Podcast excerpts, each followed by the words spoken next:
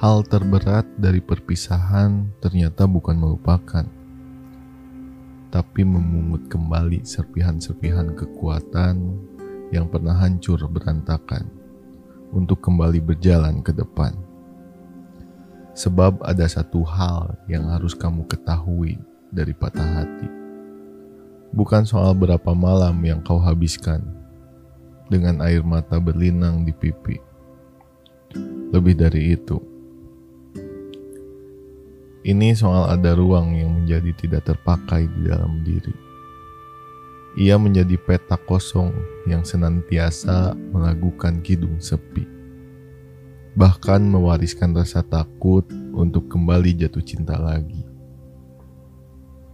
Semuanya terasa menyempit. Yang jatuh tidak berani melompat sebebas dulu.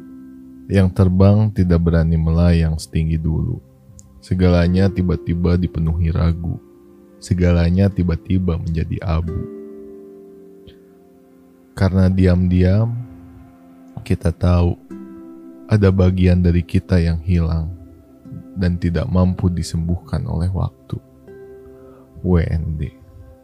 Ya, ini kolaborasi antara seorang penulis yang tulisannya sangat bermakna sekali yang tidak mau disebutkan namanya adalah ya inisialnya WND. Terima kasih tulisannya sudah mau dibacakan. Rekan stok.